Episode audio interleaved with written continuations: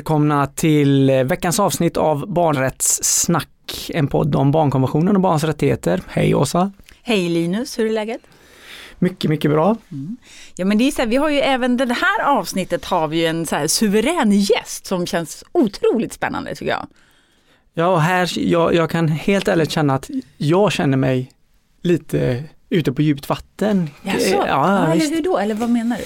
Nej men eh, det är liksom vissa av delarna som vår gäst kommer att prata med som, som jag känner att oh, här är, det här är lite nya grejer och mm. saker jag inte har full koll på så det ska bli jättekul. Mm. Och gästen då är ju då Jeanette Sundhall. Hej! Hej! Hej! Vi är superglada att du vill vara med. Tack, jag är också glad. Ja, och du är ju då lektor i kulturvetenskap, du undervisar i genusvetenskap, kulturanalys och så på förskollärarprogrammet också. Ja. Um, men det som vi tänker som är därför att du är här är ju för att du forskar om ålder, om makt och liksom kategoriseringar och sådär. Och det är det vi kommer prata om och du har skrivit massa spännande grejer. Uh, allt, som, som, det, det är liksom det som är kärnan egentligen, ålder och makt känns det som. Mm, just det. Uh, och jag måste säga att den, jag, en av mina absolut bästa universitetskurser som jag har läst var, hade du hand om för snart tio år sedan tror jag, eller jag vet inte hur länge sedan det är, men den hette Barn som politiska subjekt. Det var så jävla spännande. Så att, ja, Gud vad roligt ja, att höra. Ja, det, var, det, var, det, det är min bästa kurs tror jag. Eh, wow. Ja. Jag önskar att jag hade gått nej, men det var ju mycket, alltså det var ju så mycket om så här, synen på barn och då kommer jag ihåg, för mig var det liksom, det var så mycket som var så här, saker som man inte hade ord för. Som bara så här, som jag hade, för då hade jag ju liksom jobbat med de här frågorna ett antal år och men jag hade liksom inte orden och det var det jag tyckte jag var så jävla mäktigt så här, bara, men gud, det, det här är en helt ny värld liksom så. Eh, så det tyckte jag var ballt. Så ja. Men nu är det ju inte mina upplevelser vid simponkursen vi ska prata om. Utan, eh, men jag tänkte, kan vi kanske ska börja sen, vill du berätta någonting så här som du har lärt dig av barn? Ja, um, det är ju såklart väldigt mycket jag har lärt mig av dels mina egna tre barn som nu inte kategoriseras som just barn längre mm. för att de är alla tre över 18 år. Eh, men, men också barn generellt. Och sist jag verkligen tänkte på det så här, det var när jag såg det här programmet på tv som heter Bokstavsbarnen, Uppdrag granskning tror jag. Mm. Eh, där det är barn som själva deltar och berättar och liksom visar hur det är att vara ett barn som har det svårt i skolan och med olika saker. Eh, och hade de barnen inte varit med där och berättat med egna ord utan det bara hade varit vuxna, professionella och föräldrar, då hade jag inte alls fått den förståelsen som jag fick nu för det här gigantiska problemet. Mm. Um, så det, det kommer jag spontant att tänka på och sen har jag lärt mig andra liksom mindre grejer också. Mm. Uh, praktiska vardagssaker och så av mina barn och ja, men allt möjligt. Mm. Eh, och det är därför det är så viktigt tänker jag att eh, barn liksom får en större plats i samhället för att vi alla har så mycket att vinna på det. Mm. För att vissa gruppers erfarenheter ska ju liksom inte utestängas. Mm, och, och, och, du är ju forskare, Åsa sa ju eh, ett antal ord, men vad, vad, gör en forskare? Ska vi berätta någonting? Vad brukar du säga? Hur brukar du förklara det för barn och unga vad du gör? Ja, jag vet inte om jag har gjort det någon gång för barn och unga, kanske när jag jobbade i det här projektet med Göteborgs ungdomsfullmäktige. Mm. Men då, jag skulle typ säga, alltså jag är anställd som lektor då och då är det både undervisning, administration och forskning. Men själva forskningen handlar mycket om att läsa in sig på ett område um, på olika sätt uh, och ta del av olika typer av material som man kanske intervjuar folk, observerar som jag gjorde på ungdomsfullmäktige satt jag med på deras möten och antecknade och spelade in och sådär. Um, gör textanalyser av olika typer av texter och så hela tiden relaterar man ju det till sina teoretiska utgångspunkter och de forskningsfrågor som man vill ha svar på. Liksom. Uh, just nu jobbar jag i ett projekt som heter Skola i samhället. Um, elever, lärare och skolledare som politiska subjekt. Mm. Det där med politiska subjekt är liksom något återkommande. um, och då, dels är det ett ganska nytt område för mig med skolan, för där har inte jag varit inne tidigare. Jag samarbetar med en annan genusvetare och två pedagoger. Mm. Uh, och då får jag lära mig mycket nytt om uh, typ läroplaner och hur det funkar och det här marknadsskolans roll nu och sånt där. Uh, men dels också till exempel hur media skriver om olika fall som är aktuella nu. Och också åker vi och intervjuar personer som har varit med i olika fall som vi följer då där vi, där vi studerar hur elever och lärare och skolledare blir till då som politiska mm. subjekt i olika situationer som handlar om um, frågor där demokrati demokratiska frågor diskuteras och liksom ställs på sin spets i en skolmiljö. Mm. Så. Jag tänkte, kommer bara, det här har egentligen kanske ja, men lite med saken att göra men ändå inte. Men jag var i en kommun bara häromdagen och så pratade och då är det liksom ett gäng personer som ska men helt enkelt, de ska genomföra massa dialoger med barn och så är det personer som kanske inte brukar göra det. Så, så det var väldigt så praktiskt, hur gör vi, vad ska man tänka på och sånt där. Och då kommer jag att tänka på liksom alla de här reglerna som finns i en skola som är så olika för vuxna och barn. Eh, alltså så här, min erfarenhet är ofta att men om jag kommer till en skola så har det ofta varit så att nej men gå inte på den toaletten, det är elevernas, de är så äckliga, gå på våran personaltoa till exempel. Nu, nu hårdrar jag ju ganska mycket då såklart, men eller så här att, ja, men, att de vuxna får ha med sig kaffe in på lektionen men inte barnen. Eh, det är, de vuxna får på, alltså typ, nej men du behöver inte ta av dig skorna, det är bara eleverna som behöver göra. Alltså mycket sådana där grejer liksom. Kommer det in eller är det på en helt annan nivå? Eh, det har inte kommit in än. Mm. Men det som är lite speciellt med det här forskningsprojektet är att vi inte hade ett färdigt material från början mm. som vi hade bestämt, det här ska vi liksom titta på. Utan vi följer händelser som kommer hända ah. under de här åren när projektet eh, pågår. Men just en sån mm. grej tänkte jag på när jag läste, eh, ni vet den engelska skolan som de har skrivit så mycket om. Mm. Och ordningsreglerna mm, där. Mm. Då var det liksom på listan för eleverna saker som man absolut inte fick göra det var att ljuga för en vuxen. Och då, tänk, då tänkte det är faktiskt bisarrt. Ja, det är väldigt... Uh, har vi inte har vi ordningsregler för vuxna i skolan? Uh, ja, det kanske heter något annat ja, då än ordningsregler. Ja, typ så här arbetsmiljö, jag vet inte. Någonting. Mm. Men, men sådana grejer är mm. jätteintressanta och kommer ju såklart att spela en stor roll i projektet mm. tänker jag. Mm. Uh, eftersom ålder är en av våra viktiga utgångspunkter. Mm. Och din relation till barnkonventionen då, hur ser den ut? Uh, den ser ut så här att när jag skrev min avhandling i genusvetenskap då utgick jag ifrån den och jag nu för tiden kallar jag barnkonventionen för barnrättskonventionen. Mm. Uh, och det är utifrån Solveig Hägglund som skrev om det och menade att, nu hoppas jag att jag säger rätt, men att um, det är ju inte bara liksom en allmän konvention om barn utan handlar om barns rättigheter så därför är det ett mer adekvat namn. Liksom. Men då i alla fall när jag skrev eh, den avhandlingen så, så var det eh, dels det med barnets bästa då. Eh, I vårdnadstvister där det skulle också förekomma uppgifter om eh, våld. Barnets bästa och sen med fokus på barns rätt till delaktighet, eh, skydd och omsorg. De tre p på engelska. Mm. Protection, uh, provision och ja, participation. De, ja, exakt. Mm. Så då, då, det var min första liksom uh, så. Och redan då tyckte jag att den var, alltså det är ju på ett sätt, alltså det är så himla komplext dokument mm. eller man ska säga. Och så svårt på något sätt att förhålla sig till för att intentionen är ju väldigt bra. Men hur ska man tolka det här med barnets bästa, portalprincipen, det är ju väldigt liksom, det kan göras hur godtyckligt som mm. helst. Um, och, och, andra um, uh, punkter i den är ju mer liksom kanske lätt att förstå och att verkställa och sådär. Uh, ja men intressant men problematisk skulle jag vilja säga. Mm. Tycker jag. Att, ja. Mm. Om den. Och sen har den följt med hela tiden i, i det du har jobbat med eller hur har du fortsatt? Alltså jag har ju på något, med? Det här barnrätt till delaktighet har ju på något sätt följt mig sedan dess då. Och just de här, ehm, eh, just för att, är, att barn har så svårt eh, att få utöva sin rätt till delaktighet. Ehm, och att det var därför den här paragrafen ens formulerades. Det har ju verkligen följt mig.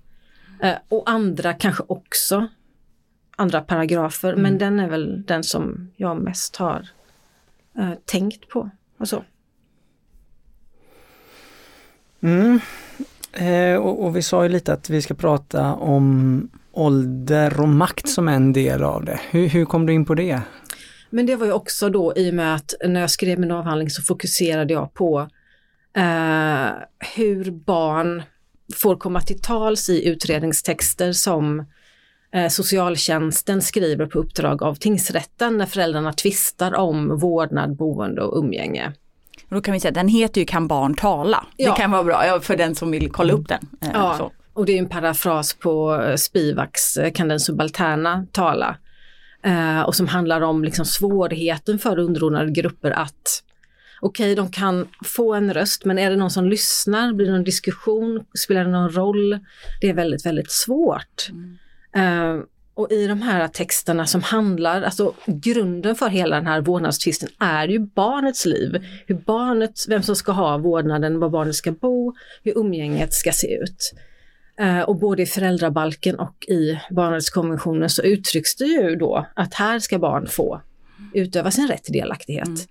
Men i de texterna som jag undersökte så, så såg jag ju att så var det ju inte. Och dessutom så fick de delta, alltså barnen fick delta på en massa olika problematiska sätt, såklart filtrerade genom de vuxnas eh, texter och så. Så det var det som jag analyserade, hur eh, barns, eh, barn på olika sätt eh, osynliggörs och hur uppgifter om våld kan se väldigt olika ut i olika delar av dokumentet och och massa sådana grejer. Mm. Ja men och där det är liksom det du beskriver mycket i den är ju att just ålder blir så viktigt, att det, ålder blir argumentet både för om barn ska lyssnas till mm. men också om de inte ska göra det, vilket ja. gör att de yngsta barnen hamnar alltid liksom lite i skymundan. Oh ja. eh, så, så att just ålder blev liksom centralt i det. Ålder blir ja. centralt, ålder kan användas både som en, ett argument för att barn, och det kan vara i samma text om samma barn, att, barn, att det som barnen säger ska tillmätas en stor betydelse, men också det omvända, att man inte ska tillmäta det så stor betydelse beroende på barnens ålder. Mm. Så det, det, är liksom ett väldigt eh, men det är det jag menar med att ålder är liksom så eh, naturaliserat på något sätt, eller en maktordning som är eh, legitim, som vi inte tänker på så mycket. Och särskilt när det handlar om barn då. Mm. För vi har ju en massa föreställningar om hur barn är, vad barn behöver eh, och hur vi som vuxna vill skydda dem till exempel då. Och hur det kan sätta gränser för barns rätt till delaktighet väldigt mm. mycket. Men vad blir det för makt som barn inte har då? Dels, vad är det de saknar för makt i just det som du gjorde här eller vad är det? Dels handlar det om att känna till sina rättigheter och där, där finns ju en paragraf i barnrättskonventionen om alla barns rätt att känna till mm. sina rättigheter. Um, det jobbas ju fortfarande på det. Uh, nu är jag inte inne längre i just det, det området, men det här att barn ska ha ett eget ombud. Uh, måste vårdnadshavarna få liksom veta allt som barnet säger och, och, och, tycker liksom? Eller kan man på något sätt göra så att barn kan känna sig helt trygga med att få uh, återge det som de har varit med om? Um, nu tappar jag bort lite frågan. Men frågan var lite vad är det för, liksom, vad är det för makt, makt vi spelar om? Ja, vad är det för alltså. makt vi kämpar om? Men som vuxna definierar ju liksom för det första hela problemet. Det, det är liksom i, i de vuxnas värld som där utspelar spelas eh, och barnen bjuds in. Um, och ibland får inte ens tillräckligt mycket information om varför de ska mm. delta, hur det kommer att um, skrivas om dem eller hur det kommer presenteras. Så det, det är liksom ett problem på så många olika nivåer, mm. tänker jag. Um, som handlar om ja, men den här generella Eh, positionen som barn har i samhället. Och som blir så tydlig där. Mm. Det blir så himla tydligt liksom. Um, just det här med, med, barns maktlöshet. För det här handlar om föräldrar som är i en vårdnadstvist. Um, med föräldrar som löser sin separation eller skilsmässa själva, som inte drar in myndigheter. Där blir barnen helt Uh, alltså de får ju ingen liksom, hjälp eller stöttning alls utan blir helt Ehm, det är föräldrarna som bestämmer allting. De har ingenting att säga till om eller ens vända sig till någon och klaga. Kanske om de känner till det, att man mm. kan vända sig till olika instanser. Ehm, men eh, det är inte säkert. Vilka brukar intressera sig för din forskning? Jag brukar bli Eller liksom inbjuden- dina frågor eller man ska säga. Ja, eh, när jag blir inbjuden så här eh, utanför universitetet, den här tredje uppgiften, så brukar det vara med typ kommuner och regioner som jobbar med barnrättsfrågor mycket. Eh, olika mm, kanske bibliotek och mm, så kulturella grejer som, eh, som vill diskutera eh, barns rättigheter, barns rätt till delaktighet. Och det har ju blivit, alltså nu i höstas var jag ju på jättemånga olika ställen eh, så jag märker en stor skillnad från det att barnrättskonventionen blev lag, det måste jag säga. Ehm, men också när jag skrev min avhandling så var jag ute och pratade mycket för eh, socialtjänsten och så. Ja, men tänk, då kanske vi ändå ska, för det finns ju en, ändå en mängd olika så här begrepp som används, så vi kanske ska börja med att på något sätt försöka liksom beskriva dem. Man pratar till exempel om ålderism eller childism och åldersmaktsordning. Är det någon skillnad på dem eller är de samma? Liksom, hur, hur, hur förklarar du dem eller hur beskriver du dem? Men åldersmaktsordningen eh, brukar jag tänka så här att eh, ålder är en sån viktig liksom, styrande princip och maktordning i vårt samhälle som liksom bestämmer um, både över individer men också organisationer och olika typer av sammanhang. Alltså vi är så väldigt åldersuppdelade i vad vi befinner oss för, på för platser. Eh, man bedömer folk utifrån ålder och tänker att har man en viss ålder så ska man ha vissa egenskaper till exempel. Olika typer av normer är kopplade till olika åldrar. Man ska vara och uppföra sig på ett speciellt sätt. Man har tillgång till olika typer av sfärer beroende på ålder. Um, och det märks om man bryter emot de här eh, normerna, då, då blir det ju liksom eh, um, motstånd på olika sätt. Eh, Men som jag sa tidigare så är, betraktar jag ålder som en eh, legitim maktordning för att det, den är väldigt osynlig om man jämför med kön till exempel. Ehm, och särskilt när det handlar om barn då, barns underordning är ju väldigt liksom ofta till och med önskvärd. Man tänker att det är, det är så det ska vara. Eh, ofta i namn av att barn ska skyddas då från att ta ansvar till exempel eller från att utöva sina rättigheter. Eller att de ska lära sig någonting som Ja. bara vuxna kan. Liksom. Ja, eller som lära sig något som vuxna tycker är kan vara farligt för barn att veta. Eh, eller skrämmande eller så. Så vi har ju hela tiden en massa sådana där tankar på att barn är en speciell sorts människor som um, ska skyddas från vuxenvärlden. På olika sätt. Som kan få jättehemska konsekvenser. Men jag tänkte mycket på det när jag skrev min avhandling, just det här med att um, vuxna som utsätter barn för våld kan ju ofta hota med att uh, berättar du det här för någon så, uh, så händer det här och det här. Just den här kunskapen om ja, men sexuella övergrepp och allt sånt. Som vi vuxna ofta vill eh, förvägra barn. Eh, och som får fruktansvärda konsekvenser. Så. Så det är åldersmaktsordning. Och ålderism eller childism då? Ålderism kan man ju tänka är som eh, sexism, alltså att man diskriminerar med utgångspunkt ifrån ålder. Eh, och det begreppet um, uppfanns ageism på 60-talet uh, eh, och handlade först nästan enbart om äldre personer. Um, men om nu börjar det användas i Sverige också, ålderism. Men det är väl också fokus på äldre? Ja, från början var Alltså, det det. Eh, så här, diskriminering av äldre i arbetslivet var en typisk sån fråga som handlar om ålderism. Eh, men nu tycker jag att det bör användas mer och mer faktiskt. Eh, så. så det kanske kan bli en, ett begrepp som vi använder. Och det handlar ju om, ja men det är ju förtryck ja, med ålder som utgångspunkt och det kan ju röra sig om vilka åldrar som helst egentligen. Eh, såklart. Och childism då?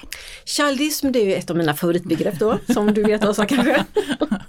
Eh, Men det handlar just om det här och det kan man se i analogi med feminism till exempel. Det handlar om barns rättigheter eh, och vikten av att ehm, barn ska få vara med och formulera vad som är politiskt viktigt och att barns erfarenheter ska få spela reell roll i samhället. För att då, ehm, då blir det ett bättre samhälle enligt den teorin. Eh, för alla människor, inte bara för eh, barn utan också för vuxna. Kan någon säga men jag är childist? Att man jobbar, att man vill, att man... Alltså ja, det skulle man nog kunna säga. Jag har nog aldrig hört. Barnist har jag hört. Barnist, ja. Kärlek. Är det Margareta Rönnberg? Jag kommer ihåg, Alltså jag vet, det är fler, jag vet att jag har ja men, ja men det är nog Margareta, ja Mm. det är det, ja precis. För hon översatte ju, eller hon jobbar ju med det begreppet barnist. Ja. Eh, men det är inte, nej det är inte så etablerat. Eh, det kanske blir det. Ja, precis. du kommer ihåg när vi sa det här med barndom, ålderdom och sen men att vara vuxen och i medelåldern det är något eh, fint. precis. Du, du sa att det var, blev väldigt dramatiskt att det är en dom, är du dömd att vara Du, du här? dömde att vara barn, du dömde att vara eh, pensionär men däremellan så lever du. Jag, jag får upp eh, sådana himla intressanta grejer i huvudet. Jag fick faktiskt igår hem en, en utredning på, på ett av våra barn där de ska ställa åldersdiagnos beroende på hennes utveckling och, och, och eh, kunskaper och sådär.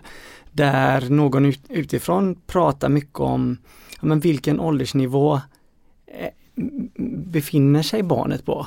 Där man också säger, ja men det typiska är denna nivån men hon är här. Eller sådär. Mm. Och också hur man gör sådana bedömningar. Eh, just med att man är, det finns ju väldigt mycket att vi vill peta in barn i olika åldrar.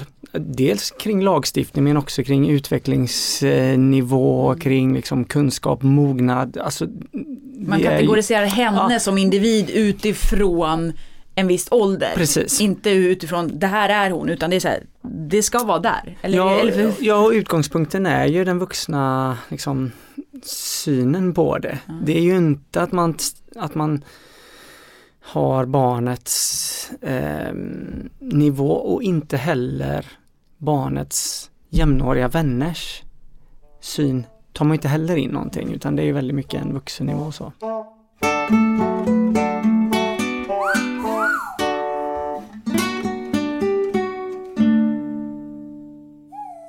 Men vad är liksom syftet då med en sån eh, bestämning? Är det för att se så här, ja den här personen följer sin utveckling. eh, i, detta fallet är det ju att se, ja men ehm, ska barnet gå i skolan enligt särskolans läroplan eller in, enligt den vanliga skolans läroplan. Så då gör man ju en rad tester för att titta på, men var ligger man? Så gör man massa skattningar, observationer och sådär. Mhm. Och det var en, en väldigt rolig grej för att då så, så har ju vi som vårdnadshavare gjort en skattning och eh, personalen på skolan har gjort en skattning. Vem tror ni hade skattat upp?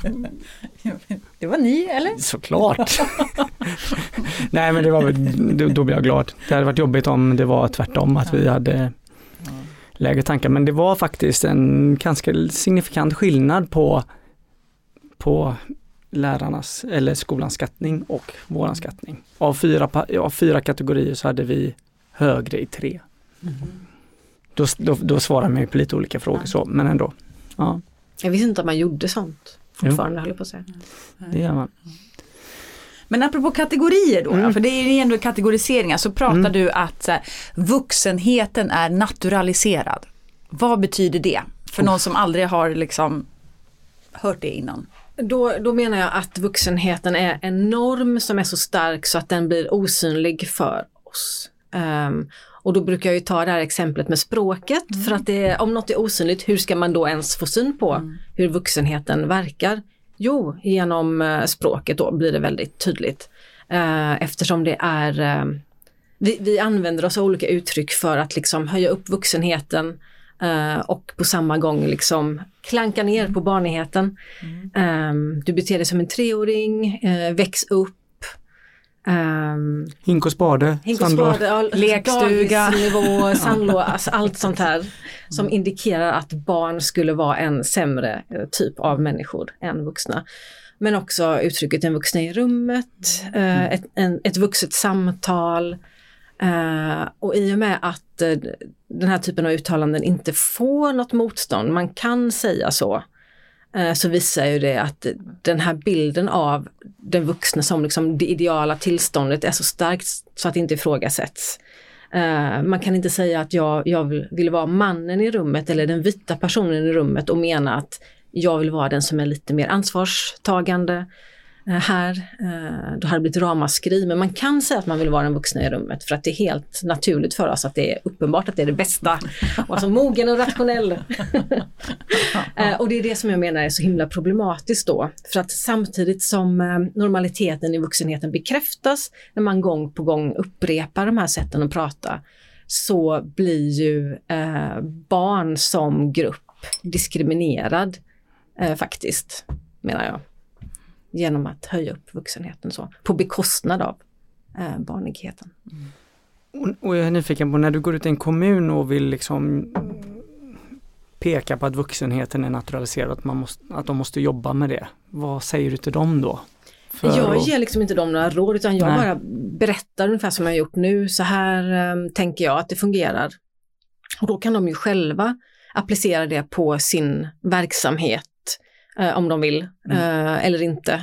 Um, så det är inte så att jag ger konkreta, för jag vet ju inte exakt vad de, eller hur de jobbar. Men bara de här liksom tankarna mm. uh, kan ju uh, vara hjälpsamma, kanske, tänker jag. Man kanske ska säga att de förstår att man kanske ska sluta säga du förstår när du blir äldre och lite sådana saker. Ja till exakt, ja, men det, för det handlar ju så väldigt mycket om, men vi ser ju erfarenhet som det som skiljer barn och vuxna. Och det är klart att ju fler år en människa har levt, desto mer erfarenheter får man. Ehm, men det kan ju också vara så att en väldigt ung person har erfarenheter som en person som är äldre aldrig varit i närheten av. Till exempel upplevelser av krig eller våld i sin familj eller vad som helst. Liksom. Så därför är det så dumt att koppla erfarenhet till antalet levda år, för det har ju liksom ingen koppling egentligen. Mm. Men vi är väldigt vana vid att tänka på det så, att barn har ingen erfarenhet, kommer få det sen Liksom. När de kommer upp, det här, för det här är en sån här som jag tänker, ofta när man har sagt så att man, argumentet är att barn saknar erfarenhet och sen man, fast vad är då erfarenhet? Mm. De har levt, de har ju erfarenhet av sitt liv och det är de. Så bara, ja, men de saknar livserfarenhet. Ah. Okej, okay, vad är livserfarenhet? Ja, men är inte det erfarenheter av livet? Nej men okej, okay, det är arbetslivserfarenhet. Alltså, alltså, jag tycker det är så roligt hur man så, så här, bygger på hela tiden liksom för att någonstans bekräfta. Nej men det är någonting de inte har. Liksom, mm. så, mm. Som vi har, vi har, vi kan det här. Liksom. Ja. Också av att vara barn här och nu, ha den erfarenheten mm. såklart. Liksom. Mm. Som är det här som, som märktes så tydligt i det tv-programmet som jag pratade om förut, Bokstavsbarnen. Mm. mm. Så det är viktigt att, även om jag vet att en del menar att barn eh, liksom eh, exploaterades i det, eh, så tycker jag håller inte med om det, utan jag tycker att det är viktigt just att få liksom, ta del av eh, när barnen är liksom, kan säga att men jag tycker det här är okej. Sen finns det en annan diskussion som handlar om till exempel olika influencers som använder sina barn på sociala medier eh, från det att de är bebisar och det är en helt annan grej. Eh, så. Det får vi ta i ett annat avsnitt. ta, ta det där. Du har bara ett tips eh, som ni kan, ni kan klippa bort där då. Uh, Ylva Ågren ska ja, ni men prata med. Vi har, men det har vi, vi har, jag har noterat det ja, att, så här, att om vi ska prata om det så, så är hon en sån. Så himla intressant ja, alltså. Ja. Mm. Wow. Mm. Um, men en annan fråga, så här, finns det några liksom yrkespersoner eller några liksom i något särskilt jobb som du tänker att här är det extra viktigt att de har koll på, på just liksom de här, alltså den makten som vuxna har eller liksom reflekterar över det? Men jag tänker såklart på socialtjänsten, det mm. första. Inte minst för att det har varit så många fall nu som har aktualiserat de här frågorna som jag jobbade med i min avhandling. Så det är superviktigt, men alla människor, alla som jobbar med barn främst kanske i skola och förskola. Och, men jag tror i och för sig att de som jobbar i förskolan är medvetna om det. Eh, det ingår i deras utbildning ju. Och jag tycker också att det är en väldigt stor skillnad på olika typer av vårdkategorier, så läkare och tandläkare och så, hur Eh, de talar direkt till barn. Om jag jämför med när jag var liten och en vuxen var med så var det väl ingen som pratade direkt till mig. Men nu är det så här som förälder blir man ju helt liksom nonchalerad. det är faktiskt en häftig upplevelse. Så, eh, så, det, så där har det hänt jättemycket. Kan du inte säga någonting mer om makt och maktdela med Ska vi se vad Uh, vad vill du att jag ska säga? men är det någonting som du tycker att jag har uttryckt mig lite så här? Um... Nej men jag, jag, tänker mer att um, vad är det, varför lämnar vuxna inte, var, eller varför delar vi inte makten mer? Varför med, Nej, skapar alltid, vi inte mer? Det är väl aldrig någon som har delat med sig av makt frivilligt. det har alltid varit en kamp. Alla grupper som varit underordnade har ju fått kämpa mm. som fan för att liksom få sina rättigheter. Uh, så det, men det som är speciellt i det här fallet är att, att uh, att barn och vuxna måste alliera sig med varandra för att barn kan inte som det ser ut idag klara den kampen själva. Um, men uh, ja, som sagt, det jag vet inte varför vuxna är så, man brukar säga att vi har alla varit barn och erfarenheter av det. Eh, var det så traumatiskt så som man tänker att nu har vi äntligen kommit över 18-årsgränsen så ska vi liksom hålla de där andra borta. Mm. Men också de som är äldre, de är inte heller, i alla fall inte i Sverige, liksom med i samhället på samma sätt som den här naturaliserade vuxenheten som jag menar inte inbegriper alla individer över 18 utan det är liksom de i yrkesför ålder som finns med i den gruppen. Um, så, så både barn, ungdomar och gamla personer är liksom utanför det till stor del, mm. menar jag. Och det är, ju, det är ju rätt sjukt när man tänker på att ett samhälle uh, som består av alla dessa människor begränsas till kanske folk mellan 25-30 och 65-70 mm. sådär. Mm. Och alla andra blir liksom oviktiga på något sätt. Men finns det några processer där man har sett att men här har det ju skett, eller du har kollat på ungdomsfullmäktige till exempel, men finns det några andra så där man ser att men här har det ju skett en eh, maktdelning eller en, alltså ett gemensamt ägande av någonting som, som vi kan lyfta upp, som man kan titta på som ett exempel. Vi hade sjukvården här som du sa precis nyss där man bara, ja men här, det har ju skett, det är ju någonting som har skett till viss del det sker ju saker och ting, alltså små förskjutningar och eh, enskilda fall där de sakerna har skett, absolut, men inte liksom generellt i samhället sker det ju inte. Mm. Um, men jag kunde ju se när jag följde ungdomsfullmäktige att de fick genomslag för vissa av sina idéer. Uh, eh, Medan de fick kämpa jättehårt för andra och ändå blev liksom ignorerade av de vuxna politikerna och tjänstemännen. Så handlar det då om, eller förlåt nu avbryter jag dig. Nej. Nej men jag tänker liksom, är det då specifika frågor? För jag tänker du har, brukar ju berätta om några olika exempel där det blir väldigt tydligt när att även om unga kanske har inflytande så är det i frågor som vuxna tycker är okej. Mm. Att de ska ha det i. Mm, mm. Är det någonting som du såg även där eller liksom? Ja, alltså jag tyckte att vuxna blev ofta så irriterade om de inte riktigt förstod varför ungdomsfullmäktige engagerade sig i en viss fråga. Eh, också jättekonstiga grejer att vuxna inte kan förstå att barn faktiskt är ekonomiskt beroende av sina vårdnadshavare till exempel. En sån grundläggande sak som spelar så stor roll eh, för en massa olika saker. Att ledamöterna i ungdomsfullmäktige fick som påtala det här gång på gång att eh, eh barn har inte så stora möjligheter att påverka sin ekonomiska situation. Så, mm. eh, så det är ju ehm, ett problem på många olika eh, nivåer liksom. Men sen fanns det också politiker och tjänstemän som var engagerade, som lyssnade, som verkligen tyckte gud vad häftigt att ni är intresserade av liksom, kollektivtrafiken och spårvagnar och trygghet och, och sådär. Um, men en, en, generell ovana kanske vid att, uh, att verkligen lyssna på uh, barnens och ungdomarnas villkor och vilka frågor de um, formulerar som politiskt viktiga. Precis som du sa, att det var vissa frågor som kanske var enklare då mm. uh, förstå. Jag, tänker, jag brukar ofta säga att ja, men det är när det blir ett skav, när liksom barn eh, och vuxna tycker olika och det blir liksom, det uppstår någonting, det är ju där man ska gråta för det är kanske då den här liksom barnsynen eller liksom åldersmakt, alltså det är då vi kanske kan få syn på det. Varför tycker vi att de inte ska få vara med och tycka och tänka kring den här eller varför tycker de det är viktigt när vi tycker det här? Eh, men där är vi ju sällan liksom. Eh, så. Jag tänkte också, vi hade i förra veckans avsnitt så var det ju, hade vi besök av Angereds, eller representanter från Angereds ungdomsråd. Där de ofta att ja, men de vuxna som de möter är ofta väldigt, så här, de är väldigt så här, respektfulla och intresserade och liksom tycker att det är häftigt att de liksom engagerar sig. Och vuxna kanske lovar massa saker men sen kanske de inte följer upp det. Typ, åh men vi vill jättegärna prata mer med er, ja men det är klart att ni ska vara med, kom till oss då och då och då. Men sen kanske när de då tar kontakt och säger hej, får vi komma? Så händer ingenting. Eller att de upplever att de beskriver saker och ting som de vill ha en förändring men sen blev det inte så mycket mer. Lite så. Men jag tycker det handlar om barns ungas alltså, låga status. Mm.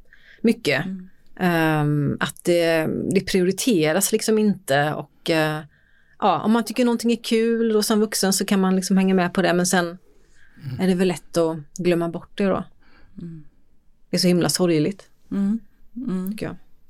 Men upplevde, ung, eller, nu- Nej, du. upplevde ungdomarna i ungdomsfullmäktige att de hade inflytande? Ja men i vissa frågor så märkte de ju att nu blev vi lyssnade på, nu hände det någonting här. Ehm, men ehm, ja, Ja, för, för jag, kom, jag kommer att tänka på det här med barn som eh, politiska subjekt som ni har haft så jättefantastiskt ni två kring. Men, eh, Ja, det ska vara och, och då tänker jag på att det är valår nu, men vad, vad menar du när du säger, att- eller vad lägger du i barn eh, politiska subjekt? Det kan man ju märka att man liksom kastar ut grejer till barnfamiljer i valåren eller så, eller studenter möjligtvis. Men Mm. hur, hur, hur, hur ser det ut? Nej men att jag tänker då att, att barn och unga ska få vara med och delta i demokratiska processer på ett Mm. självklart sätt. Eh, så som det inte är nu fastän vi har då ett ungdomsfullmäktige så tas de ju inte med så som de skulle kunna tas med i det politiska livet i Göteborg. Liksom. Eh, de, de kommer inte alltid till sin rätt så, tänker jag, som de skulle kunna för det är ju en fantastisk resurs eh, för alla. Mm. Um, vad var din fråga? Politiska subjekt? Ja. Mm. Det är liksom enstaka projekt runt om i Sverige, runt om i världen. Men, men det stannar ju mycket där. Mm. Liksom. Mm. Vi har ju den här synen på att man måste vara myndig för att liksom få vara med på riktigt och så. Eh, Och 18 är en åldersgräns som är eh, godtycklig såklart. Den har ju ändrats fram och tillbaka i Sverige till exempel. Men, men det är ju så det ser ut just nu. Mm. Men om man då, en, en fråga som vi kanske egentligen inte vill ha svar på, men, men om att utifrån din forskning liksom, om makt och om ålder och så tänker jag liksom på alla de här kommunala och regionala forumen eller liksom ungdomsråd, ungdomsfullmäktige, alla de här liksom. Kan vi egentligen ha sådana som funkar då, där barn ges både makt och inflytande? Går det ens? Det, det skulle ju kunna gå, absolut. Men det, det bygger ju på att vi vuxna släpper in dem och liksom möjliggör och verkligen vill det, inte bara som litet liksom, sidoprojekt utan att det ska vara på allvar. Och sen är det klart att barn och unga har andra möjligheter att påverka politiskt än att vara med i sådana här eh, ungdomsråd och ungdomsfullmäktige. Och till exempel genom sociala medier, det ser man ju jättemycket. Eh, ja men till exempel nu med kriget i Ukraina eh, så är det en annan sätt att, ett annat sätt att formulera sig politiskt. Eh, som är ju jätteintressant alltså. Och som också blir väldigt internationellt och där man kan använda humor till exempel som kan vara lite ovanligt i, i vanliga politiska sammanhang eh, för att göra motstånd eh, då. Och protestera. Så. Nej, jag tänker att det är ju om man tittar på skola och då kanske socialtjänst, trygghetsfrågor så är det också någon slags backlash i detta utan det blir ännu mer det här men vi måste tillbaka till katederundervisning eller nu måste det vara hårda och tuffa tag Ja. vilket gör ännu mer att ehm, barns möjlighet att delta blir ännu mer Alltså den backar igen liksom så det måste ju finnas också en mot Det är motkrafter verkligen, det är ju någon slags strid kring och tillåta barn att få vara med på något sätt. På deras villkor och under deras liksom, omständigheter och så. Vad tänker du, vad, vad är det vi behöver göra då, liksom, kanske på någon form av samhällsnivå eller kanske mer på någon politisk nivå, om vi nu ska motverka den här, alltså om vi ska möjliggöra för barn att ha makt eller snarare att vuxna ska liksom backa tillbaka. Hur kan vi liksom, hur kan vi förändra det här? Alltså vad, vad, vad måste vi göra? Men det handlar ju om, på något sätt om att medvetandegöra då. Um, om hur det ser ut, om hur åldersmaktsordningen fungerar och vad det, vad det får för konsekvenser för människor. Och det blir ju tydligt i fall då som med Lilla hjärtat till exempel. Då, alltså där ställs ju allting på sin spets. Alla tycker att så här kan det för fan inte få fungera. Och ja, då skulle man kunna ta som ett exempel då på eh, hur åldersmaktsordningen funkar när eh, ett barn inte får liksom um, vara med och bestämma över sitt eget liv på något sätt. Men att sen eh, få det till att gälla liksom i samhället i stort, det är det som är svårt då. För då har vi den här tanken på att man måste vara eh, vuxen för att eh, kunna klara av det. Eh, man måste vara oberoende, man måste vara rationell, man måste vara alla de här grejerna som vi eh, kopplar ihop med vuxenheten. Eh, och där barn och unga inte är ännu men är på väg emot liksom, och kan liksom, utbildas till att bli eller liksom, få erfarenheter nog för att äntligen uppnå den här positionen. Um, så det gäller ju att ändra hela sättet att se på ja, men vad en människa är för någonting, tänker jag. Uh, och det är ju lättare sagt än gjort. Alltså det tog ju otroligt lång tid uh, innan kvinnor kom att betraktas som människor på, på, samma, på samma sätt som, som män betraktas som människor till exempel. det är ju bara liksom typ hundra år sedan och inte ens Om de ens gör det på riktigt, ja, det exakt. går man ju också. Ja, det var väldigt sagt, generellt uttalande av mig nu. Men, men som sagt, det, det, är otroligt svårt att ändra sådana maktförhållanden. Um, men det går att göra motstånd lite här och var mm. i alla fall. Mm. Nej, jag hade ett utvecklingssamtal med Åsa om hur det går med barnkonventionen och där tänkte jag på barnens utvecklingssamtal överlag och också där chimären av att man ger barn inflytande, apropå att du är i skolan nu. Mm. När barn får vara med och tycka till om hur trivs du med skolan, gillar du skolmaten? Trivs du med dina vänner? Trivs du med utemiljön? Gör du det? Alltså, jag undrar vad händer med de fallen där de bara får gröna lampor och sura gubbar av barnen i den lilla matrisen. Eh, ja, händer det någonting precis. då? Om jag, alltså, säga, om jag svarar att nej, jag är missnöjd med skolmaten. Alltså, mm det blir fortfarande bara sådär, okej okay, men vad kan du göra åt eller kan du läsa mer läxor? Och, eller, och så låter man barnet då leda kanske utvecklingssamtalet mm. och så blir det någon slags skimär av att vi lägger makten i dina händer. Mm. Det är ju inte så. Nej. Nej. Nej, det är ett mm. enkelt sätt att komma undan liksom ja. det. Ja, det är hemskt. Ja. Mm. Men om vi ändå kanske då inte vill avsluta deppigt. Nej, nej precis. Okej, okay, men vad, vad kan man göra för mer? Hur kan liksom, ja, men, den som jobbar i förskolan till exempel eller den som kanske jobbar som ungdomssamordnare, alltså, vad, vad kan den vuxna personen som lyssnar, vad kan den göra liksom? För att kanske synliggöra åldersmaktsordningen eller för att kanske liksom motverka den eller liksom lära mer eller ja. Eh, men då tänker jag att, att man som vuxen kan eh, tänka över sin egen position och att den är privilegierad i förhållande till barns position.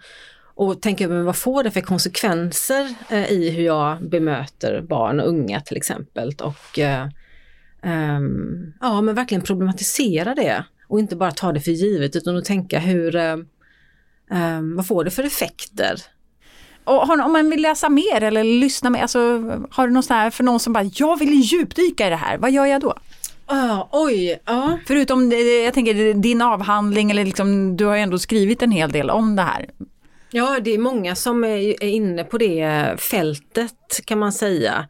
Uh, så om man är intresserad av att läsa forskningsartiklar så är det ju lätt. Men det finns ju också annan typ av litteratur. Jag tänker på Ylva Mårten som har mm. skrivit intressanta böcker utifrån sitt jobb som journalist mm. som har intresserat sig för barn och gjort många program hur länge som helst.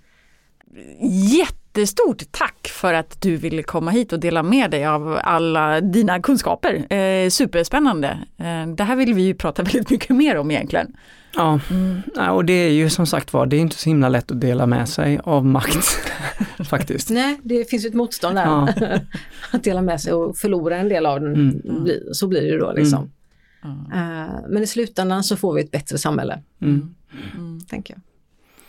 Mm. Och roligare ofta också faktiskt. Det ska man inte underskatta. nej, nej. Ja men tack Jeanette för att du kom och gästade oss här idag på Barnets snack. Tack ska ni ha. Jättespännande. Tack så mycket. Och eh, tack till alla er som lyssnar och eh, sprid och dela det här så återkommer vi nästa vecka. Ha det fint! Hej!